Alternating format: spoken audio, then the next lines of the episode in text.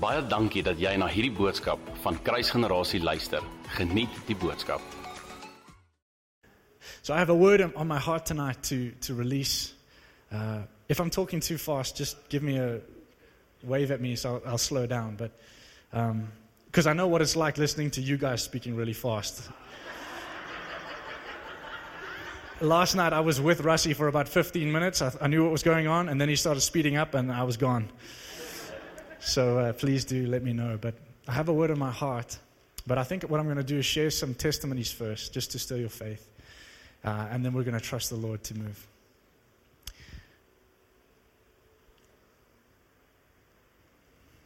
When I was 15, nearly 16 years old, um, I saw my first creative miracle.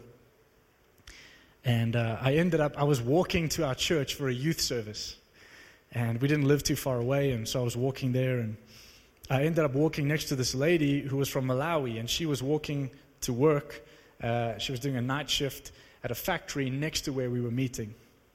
And so we were walking, and I realized after about five minutes that we were very clearly walking in the same direction. And so I started talking to her, and, um, and we were just chatting about life and different things as we were walking there. And, and just as we got close to the church, uh, I looked at her hand and I noticed something. That on her left hand, she only had four fingers and she didn't have a thumb. No thumb, just skin. And the weirdest thing happened where I looked at it, and as I, as I saw that there was no thumb, I heard the Lord say, Will you pray for it? And obviously, like all of you, I was like, Heck no, Lord. and so I just kept talking and just ignored it, like, no. I just kept talking, kept talking, and I heard it again Will you pray for a thumb? And it actually began to feel like the Lord was shouting at me in my spirit. It was like He was demanding my attention. And so I, I remember this like broken sentence in the stuttering voice of nervous shaking. I said to this woman, Excuse me, ma'am, this is going to sound really funny, uh, but do you mind if I pray for your hand? And uh, I'll never forget the look on her face. She looked at me like, What? And she said, My hand. I said, Yeah, I noticed that you don't have a thumb. it's quite an awkward conversation to have. And she said, uh, oh, oh, that's okay. I was born this way. You know, I, am I'm, I'm really okay. It's all good. And, and so this is what I said. I said, well, do you mind if I try? And so she kind of again looked at me a bit strangely and she was like, oh, okay, whatever.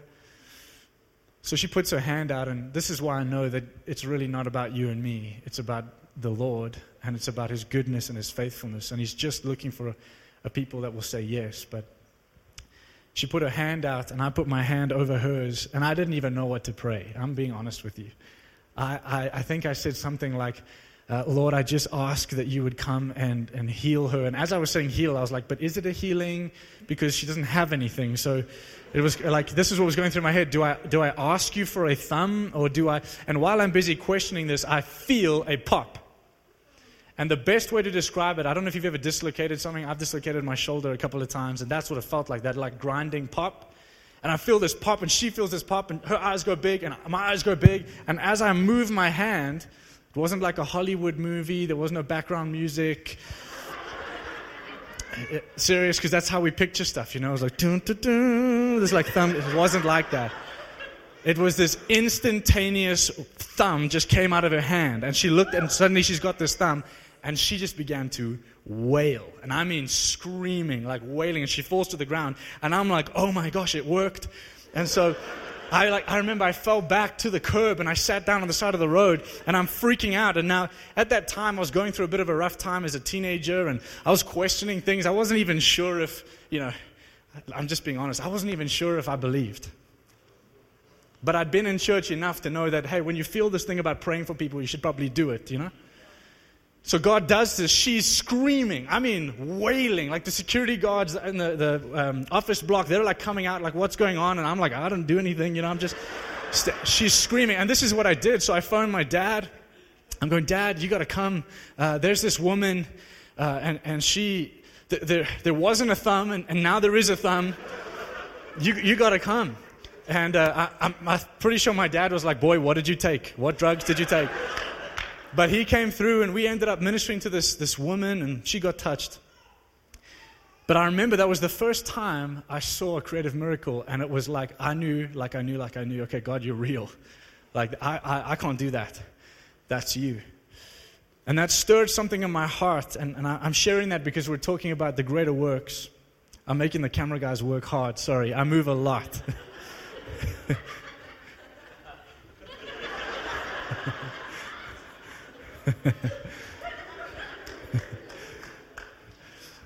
so it stirred something in my heart, and I knew, okay, Jesus, you're real. And I remember a couple weeks later, I got asked to preach in my school assembly. Now, you can imagine when you've seen a thumb grow out, you're pretty fired up, right? So I preached in my school assembly. I am preaching my guts out, and the Holy Spirit hits the place. Half the room falls under the power of God. I'm like, the school is in revival. Like, come on. But I'm 15 and I'm a know it all, and I think that I'm now the man of the hour. Six months later, I was backslidden, completely broken, and, uh, and not even walking with the Lord.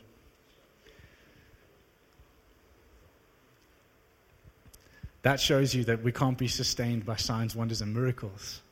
If we don't know Jesus, we're missing the whole point. So I went on a journey and went through some things, but came back, had a radical encounter with Jesus, and I want to encourage you with this. You don't find God, God finds you. You just stop running. And some, there's probably a few of you tonight that need to hear that. You don't find Him, He finds you. Just stop running.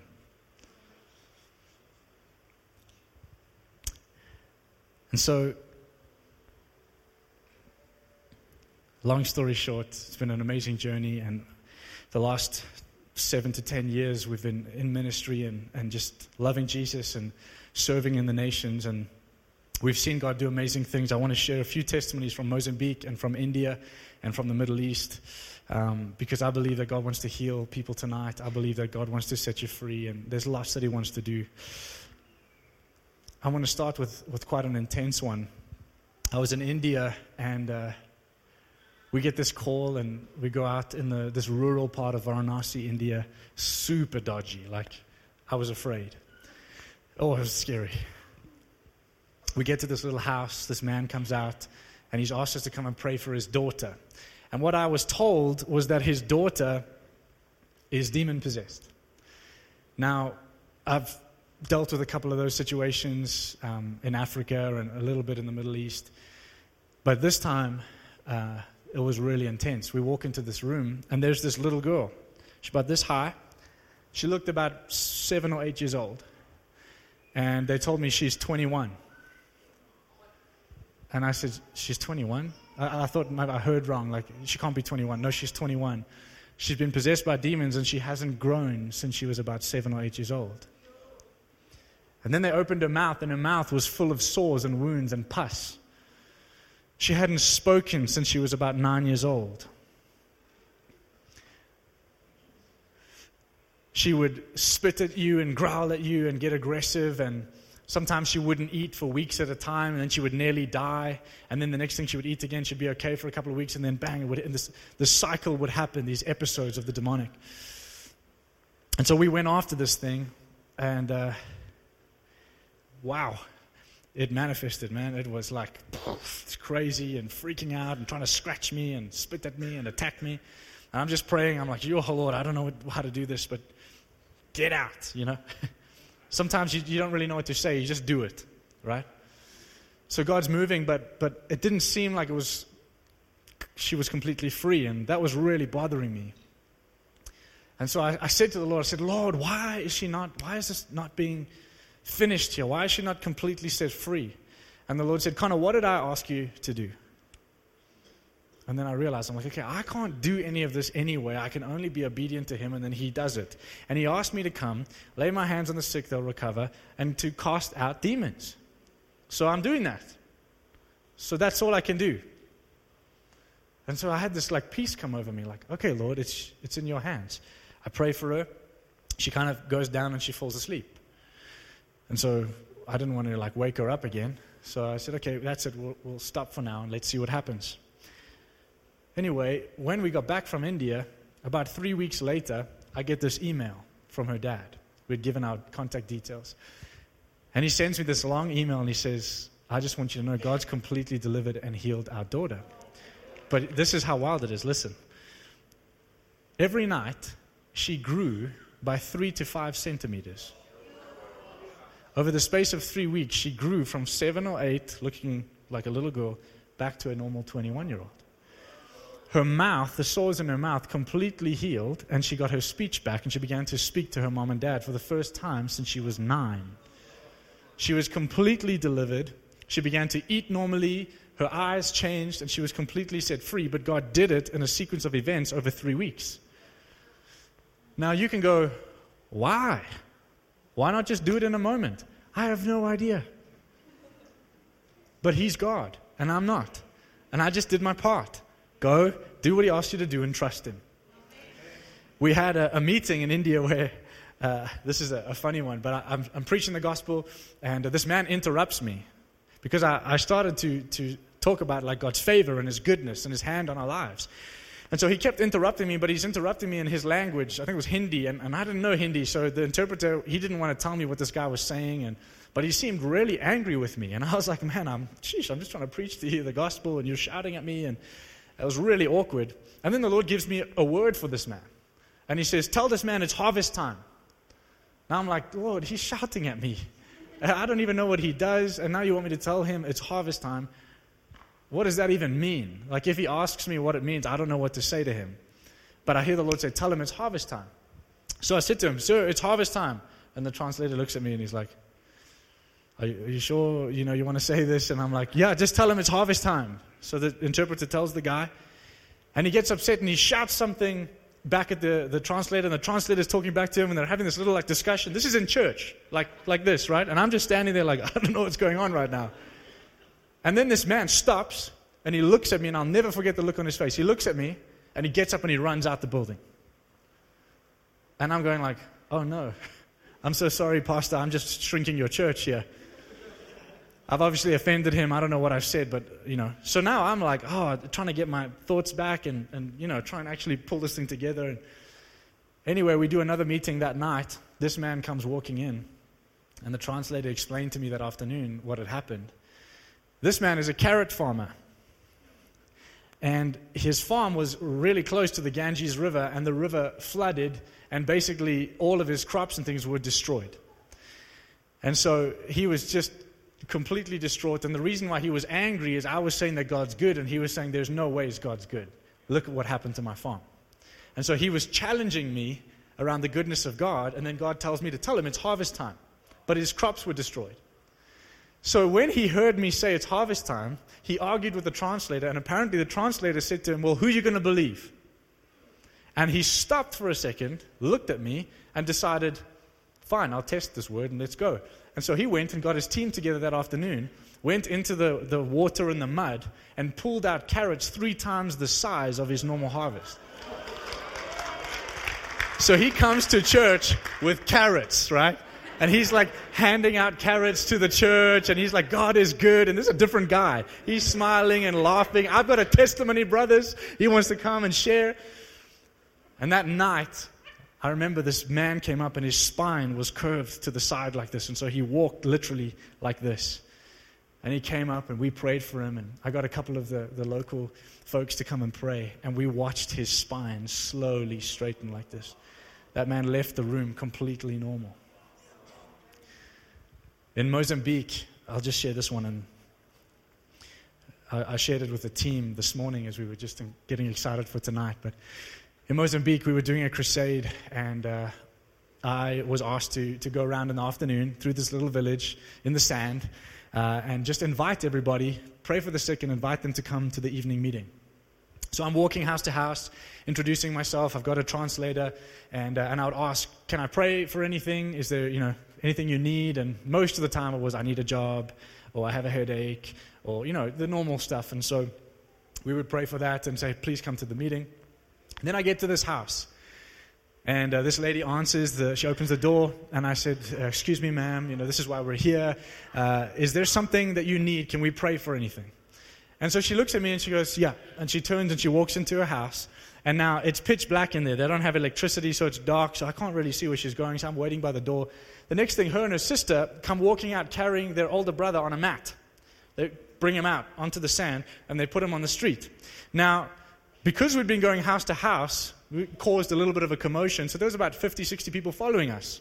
Some of them were kids. Some of them were just like, what's happening? You know, this random white guy is in our village and uh, what's going on? You know, there's some guys setting up sound, sound systems down at the bottom. So there was a lot of commotion. So they followed me.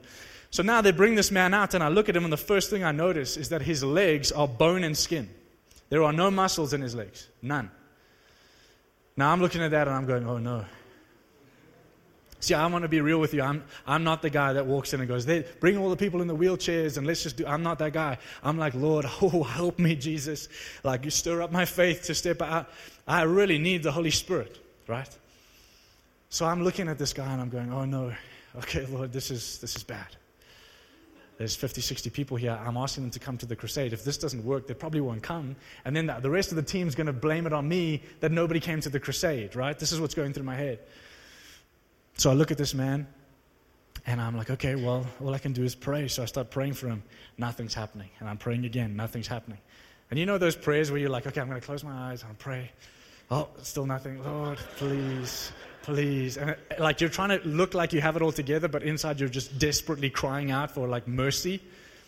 That's what was going on. I was like, please, God, please heal this guy and uh, nothing's happening, nothing's happening. And, and you could hear like the commotions were starting in the, the crowd. They were like, okay, you know. And I'm going, this is so embarrassing, God. Like, how do I end this moment? You know, like, okay, everyone, show's over, you know, sorry, off you go. How do you end it? So I'm like, I don't know what to do, Lord. I'm just praying. And, uh, and I hear the Lord again, that same shout in my spirit pick him up. And I'm, no, Lord. I remember I literally said this to the Lord Lord, if I pick him up, I have to put him back down. like, that looks way worse than just telling everyone to go home. And so I, I hear it again pick him up. So I look at the translator, I'm like, we're going to pick him up. And he's like, oh, no. Like, you know, it was just one of those moments where you're like, oh, God. And I remember again this moment, pick him up. So I said, we're going to pick him up. So we grabbed this guy's arms. And again, no Hollywood stuff, instantaneous miracle. When he was on the ground, no muscles. We picked him up, and as he stood up, there was muscles in his legs. And he looked down like this, and he began to cry. And I looked at his legs, and then suddenly you just hear, people are freaking out and shouting. And I don't know if you've seen this, man. Kids just started running, like, in the streets. And I was like, whoa, this is, you know, I'm just freaking out. There's muscles in his legs. So everyone's going nuts. I've got his arm over my shoulder, and this man is taking his first steps, right? And we're walking. Within 25 minutes, we're running together up and down the street outside of his house. God's given him muscles, fully developed muscles in his legs. I was telling the guys, we actually have a video of this where him and I are in the sand together on our knees. He's just weeping and he's giving his life to Jesus. You can imagine what that night meeting was like. It was wild, right? So God, God does these things, and I've seen Him move. And what I'm, I'm learning more and more is that the signs, wonders, and the miracles are normal. They're normal. It's what happens when you preach the gospel. It's what happens when you obey God. It's what happens when you step out. What's not normal are a people who will lay their lives down to host the presence of the Lord. And so God moved in my heart to say, Would you give your life to hosting my presence? And if you do that, I remember the Lord said this. He said, If you will honor my presence with your life, I will honor your life with my power. And that changed everything. It was like, if I will give my life for his presence, then he'll honor my life with his power. And so I don't have to chase greater works, they chase me. Do you hear what I'm saying? I'm, I'm after one thing and one thing alone the presence of Jesus. I want to know him. I want to see him. I want to experience him. Can I just say this? And I don't know if I'm stepping on toes and things, but religion and tradition really sucks, man. You know why? Because you don't get to experience him. We get so stuck in our ways that God must fit our box, and then we don't get to taste and see that He's good. I remember uh, amazing leader, he spoke to me once and he said this. He said, Connor, would you, would you rather intellectually understand God or God come into the room, kiss you, and hug you? And I thought about that. I was like, I think I'd take the kiss and the hug. Now, if you're a man here tonight, I also struggled with the whole bride thing, right? We're a bride and like kiss God and hug God. Like, oh, what are we talking about? He's God, right? But I figure if the ladies have to be sons, we can learn how to be a bride. right? And then, I, and then I had an encounter with him, and I decided I really want to be his bride. Because I saw him. And when I saw his face, when I saw his eyes, we were singing about it tonight. But I can't help it. When we sing about that, I'm like, oh, I'm, I'm gone, Lord. We start singing about his eyes, I'm finished. Because when you see his eyes, you're never the same again.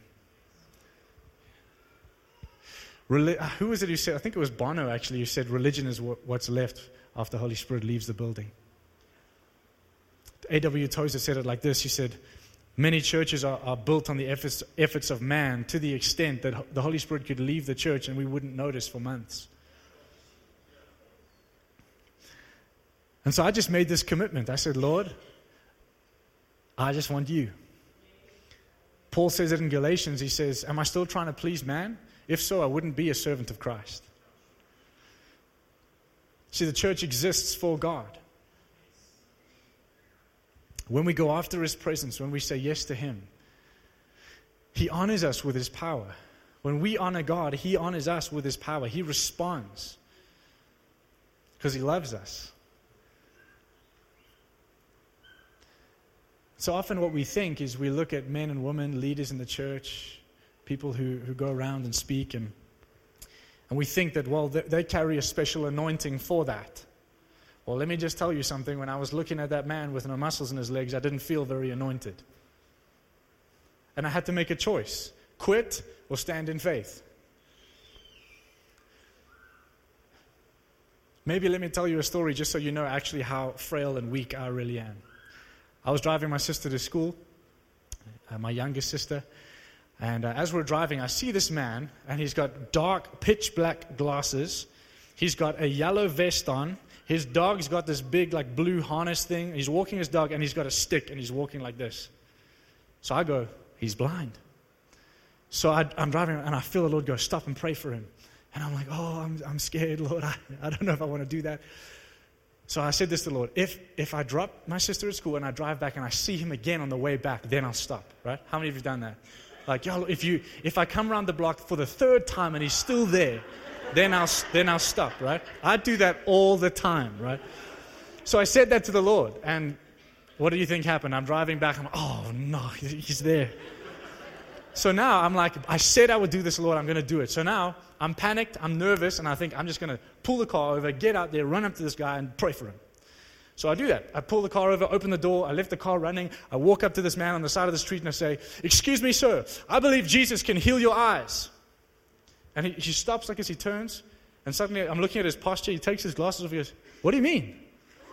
And I look at him, I'm like, Oh, he's not blind, right? So what was going through my head is I wanted to say, what is wrong with you that you have a stick and a dog with a harness and pitch black glasses walking like this? Like you looked blind. And he's not blind. And now I am embarrassed, man. I'm like, I just stopped my car, chased this guy down, told him Jesus wants to heal your eyes. And he's like, he thinks I'm cuckoo, right? So now I, am like, oh, Lord, what do I do? And I just heard the Lord say, ah, I needed to get your attention. And he says, ask him what he needs. And so this man, I said to him, what do you need? And he goes, actually, he says, yesterday I got fired. Uh, and he said, uh, I, have, I have no money. I'm down and out, and I don't know what I'm going to do. He said, I actually, I'm going on this walk because I'm trying to figure out, come up with a plan of how I'm going to get through the rest of this month. And I was like, oh, wow. So I get to pray for this man, and the love of God touches him. And he's just standing on the street with his dog, and he's just crying because God knows him. God knows what he needs. And God took a crazy, skinny white boy, bald by choice, from Joburg to stop on the side of the street thinking he's blind just so that I could tell him God loves him. So this isn't about having it all together. This is about following Jesus, right? Well, that's some testimonies. Let's get to a word. If you've got your Bibles, will you turn with me to Acts chapter 19? I want to just stir your heart.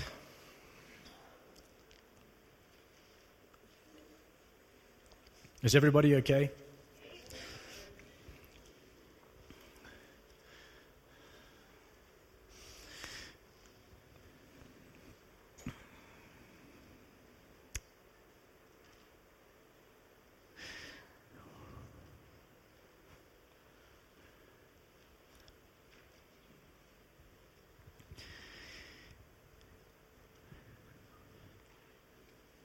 Something happens when the people of God realize who they are, who they were born to be, and what God's called them to walk in. And we begin to carry and host the presence of the Lord, not just in our corporate gatherings, but every single day. And it says in Romans that all creation is crying out or groaning for the revealing of the mature, true sons and daughters of God. Meaning that creation knows that you carry something that is the solution to the brokenness of humanity. It's Christ. And so the earth is crying out for the revealing of the son, true sons and daughters. And I'm, I'm, realizing more and more when the church gets together and chooses to host the presence of the Lord, where we choose to worship Him and enthrone Him, where we don't come to get something, but we come because we're full in Christ and we can minister to God. We can minister to His heart. And when we begin to do that, something begins to shift in the spiritual realm. And you're saying, maybe in your head, you're like, what are you talking about? So in the Middle East, let me tell you what evangelism looks like. It looks like getting in a room with three, four, five people with a half tuned guitar, some rusty strings, and worshiping Jesus with everything that you have. And suddenly something begins to happen as you're doing this hour after hour after hour. And God begins to move in the spiritual realm, and suddenly dreams and visions break out. And then you get a knock on the door. And men arrive and they say, We had dreams, all of us. We all had dreams. And in, in this dream, there was a man in white, and he was shining, bright, and he had holes in his hands. And he told us that if we want to know the truth, we should come to this address.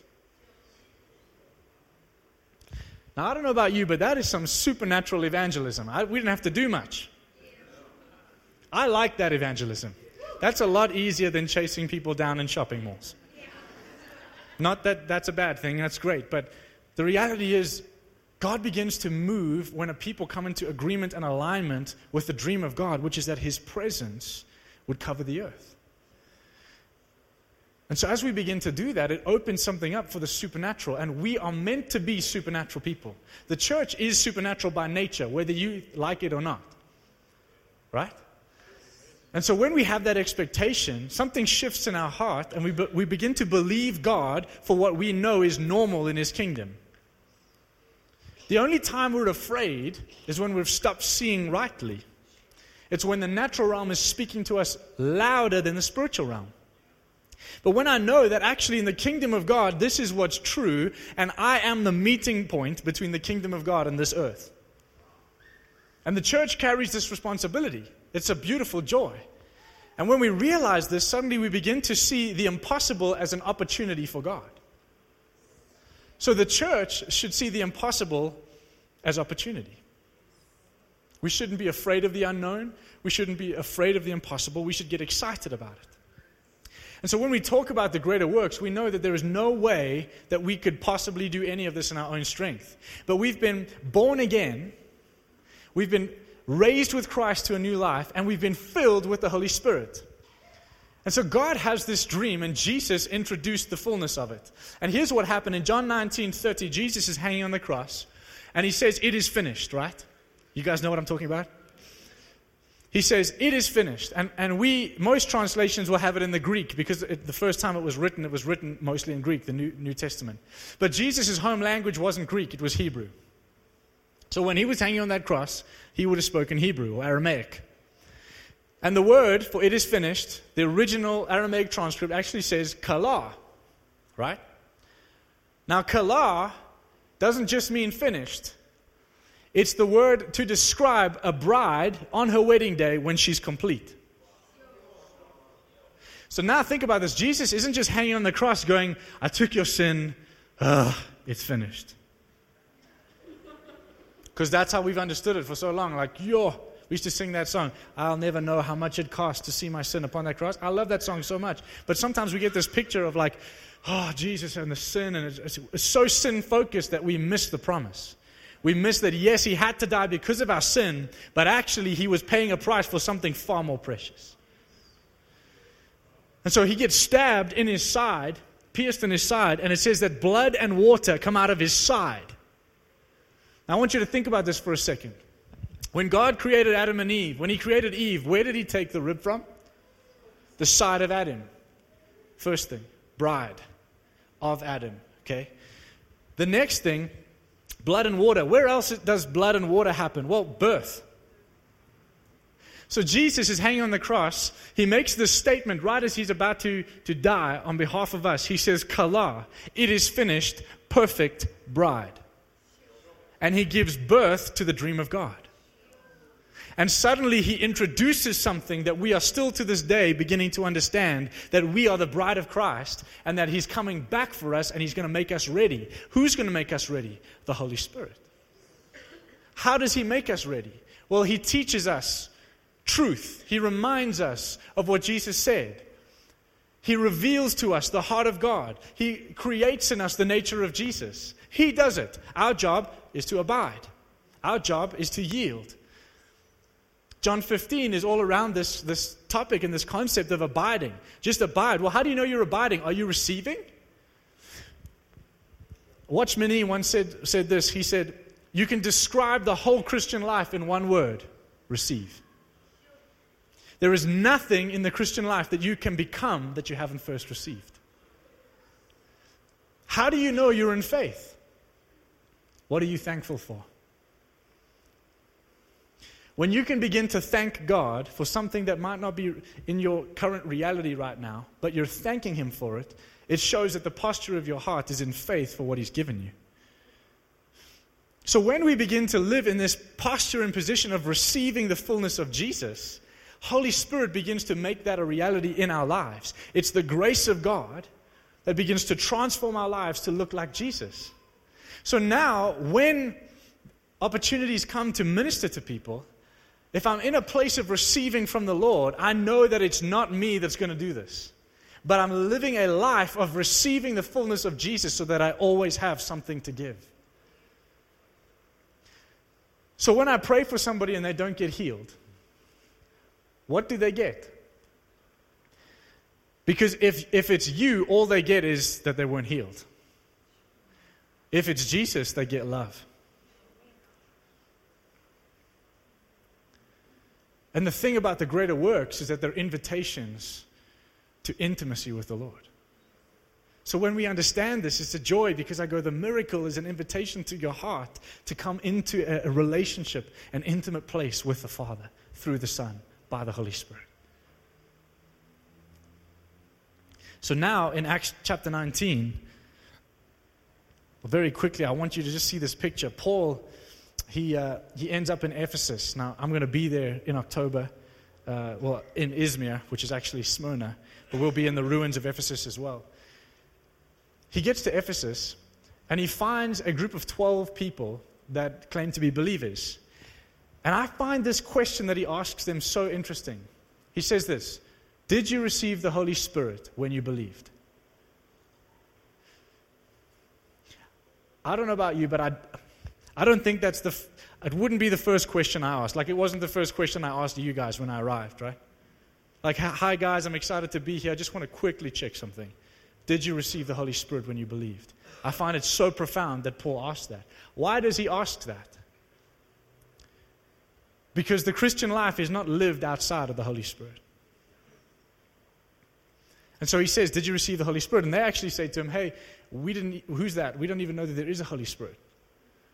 And so he preaches the gospel to them, he baptizes them again, and then baptizes them in the Holy Spirit, and they begin to speak in tongues and prophesy. And then it says that for three months they preached the gospel boldly. Paul preached the gospel boldly. And a bunch of people start getting saved, and suddenly there's disruption. He's beginning to stir something in a city. There's disruption in the synagogue, and so he has to take the, the disciples and the believers, and they leave the synagogue and they go to the school of Tyrannus, which is obviously a venue that they could meet. And if you study it, they met every day for four to five hours. We'll get there, don't worry. Let's just start with two and a half hours on a Sunday and then. But can you imagine? 45 hours every day they met. It's crazy. I'm still wrapping my head around that. And then it says something so profound. It says in verse 10 And this continued for two years, so that all who dwelt in Asia heard the word of the Lord Jesus, both Jews and Greeks. Now, Asia Minor was a province, it's now the west coast of Turkey. And it says in two years, the whole west coast of Turkey, all the inhabitants, heard the gospel. It started with 12 people and a question. And in two years, a whole region had heard the gospel. I want to stir your faith and your heart for Middelburg. It starts with a question Did you receive the Holy Spirit when you believed? Once that has happened and you preach the gospel, something is activated and mobilized in the believer. We become a supernatural people. And maybe you're saying, okay, well, what does that look like? Well, if we keep reading, it says that in verse 11, now God worked unusual miracles by the hands of Paul, so that even handkerchiefs or aprons were brought from his body to the sick, and the diseases left them, and the evil spirits went out of them. These are just items of material or clothing that Paul had touched, that when they touched other people, they would get healed or demons would come out of them. Now, this is not a special anointing for Paul, this is the anointing of Christ on the believer. This rocks me, man. Then it says that some of the itinerant Jewish exorcists took it upon themselves to call the name of the Lord Jesus over those who had evil spirits, saying, We exorcise you by the Jesus whom Paul preaches. So, so just picture this, right? Some religious know it alls, they see that this is working for Paul, right? This is religion. This is religion to the T. It's working for Paul. So let's just take the formula and copy and paste. So we're going to go and we're going to say, hey, the Jesus that Paul proclaims, we bind you by that name. Get out. And it says that if you read it, that that, that demon actually says something. And, and I, I find this, oh, I pray that demons would say this about me. They say, Jesus we know, and Paul we know, or Paul we recognize. But who are you? I pray that I'm, I'm like Paul that's my heart. I'm like, Lord, I want to have Jesus in me and be walking in him. The demons go like, hey, Jesus we know and Connor we know. I don't know if you're getting this, man. This is the authority and the power that the believer walks in. So the demon goes, hey, Jesus we know and Paul we know, but who are you? Don't come here with religion. It doesn't work. And then it gets really intense. The demon gives them a whooping. I don't know what that is in Afrikaans, but that, yeah. I'm not going to try to say it, but that. They get a hiding. Not only that, but they run off butt naked. Oh, butt, you can't say butt, behind, naked. Picture this, man. The, the, the religious know it alls just got a beating. And what happens is that the, the awe and reverence of God hits the region. And people go, whoa, what these believers are carrying, that's powerful. And you don't get to just do what you want with that. That thing, that your whole life belongs to that. And it says that the word of the Lord began to prevail. It says in verse 20, so the word of the Lord grew mightily and prevailed. You know what's incredible is that one of the things that happened is uh, a whole industry of witchcraft came crashing down idol worship, witchcraft comes crashing down because Christians are being Christians in the region. This stirs my heart.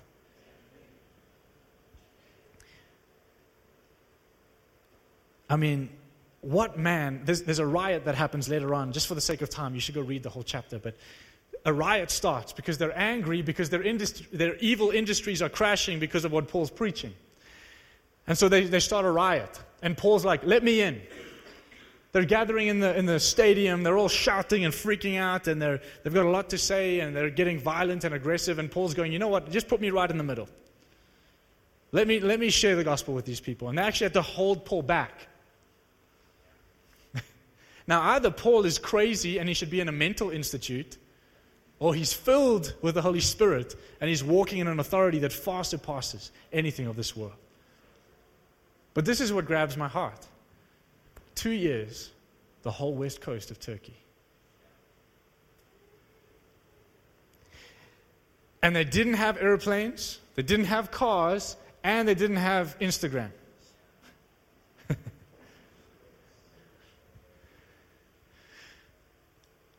the millennial generation is the first generation in history that has all the statistics, all the resources, and the means to get where unreached people groups are.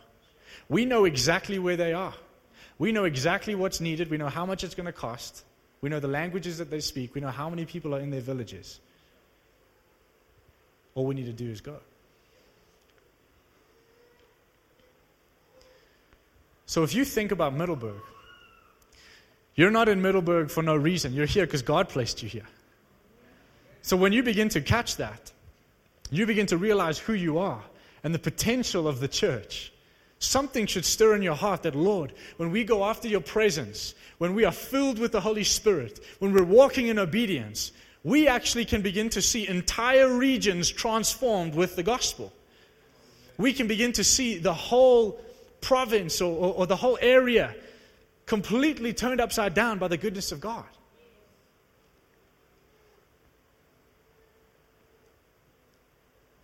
And I know that the Lord's been teaching me to dream again. Not my own dreams, but His dream.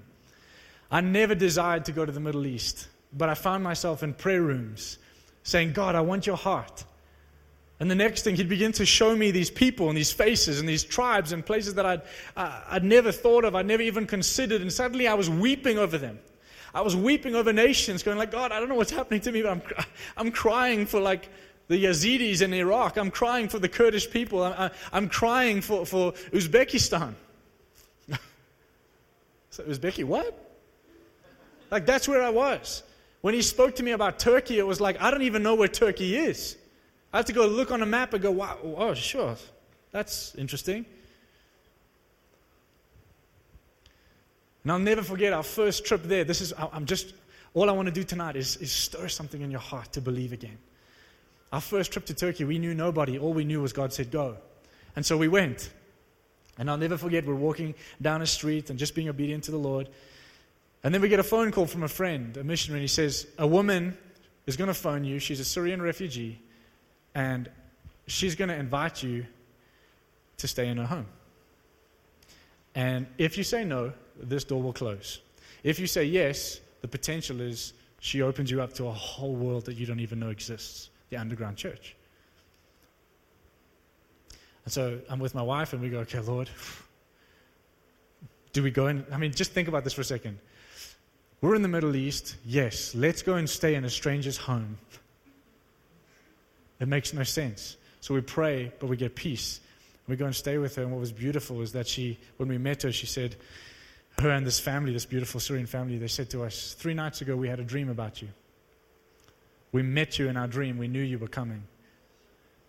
And this is what they said. I love this, the simplicity of their faith. And the Lord said that you were coming to, to uh, put on a party for us. And I was like, oh, I didn't bring any poppers or, you know. And then I realized the Lord, the Lord said, I, I want you to come and release joy because joy is their strength, the joy of the Lord. I want you to come and release joy. And so we had meals together and we laughed and we prayed and we danced and we did all the Arabic dancing, and it was as bad as my Afrikaans. And we saw the Lord move, and suddenly God opened up the region. Now, I didn't know any of that was going to happen, but we just said yes. When I was in India, I had a dream when the Lord first called us to that region.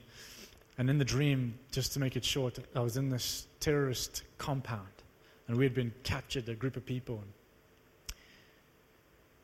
And Heidi Baker comes up to me in the dream and she puts a key in my hand and she says, Open up the gates. God's called you to the deepest, darkest places where nobody wants to go. And it's going to take a yielded yes. And I wake up and in my spirit I hear, It's going to take a yielded yes. And those words marked my life because suddenly I realized I can't say yes to God until I yield. I have to yield to Him then I can say yes. And it's in yieldedness that my dreams, my goals, my aspirations die. And the dream of God comes alive in me. And I believe that what's happening in this time is the dream of God is becoming the heartbeat of his bride again. It's the reason why we exist. It's the reason we gather. It's the reason we're alive. So, tonight, my encouragement there's so many scriptures running through my head, but I want to pray for people. So, is that okay? I, w- I would encourage you to read Acts 11, Acts 13, and Acts 19. Just read through those chapters. But I, I want to just say to you tonight I, I believe that something is stirring in this house, in this community. Something is stirring in Middelburg. God is, is really birthing something fresh here in Middelburg, And, and I, I look at those banners and those statements and I go, oh, Lord, I think there's coming very, very soon a time where people from all over South Africa will come to Middelburg to taste and see of what God's going to do. And He's just looking for a people that will posture themselves. He's just looking at people that will say, looking for people that will say yes. He's just looking for a yielded heart. And that means that you're qualified. God's not looking for strong people. He's not looking for giftings. In fact, if you study the scriptures, he doesn't seem to use strong people. he uses the weak. Because in our weakness, his power is made perfect. And his grace is sufficient. Baie dankie dat jy na hierdie podcast geluister het. Indien jy die boodskap geniet het, deel hom asseblief met jou vriende.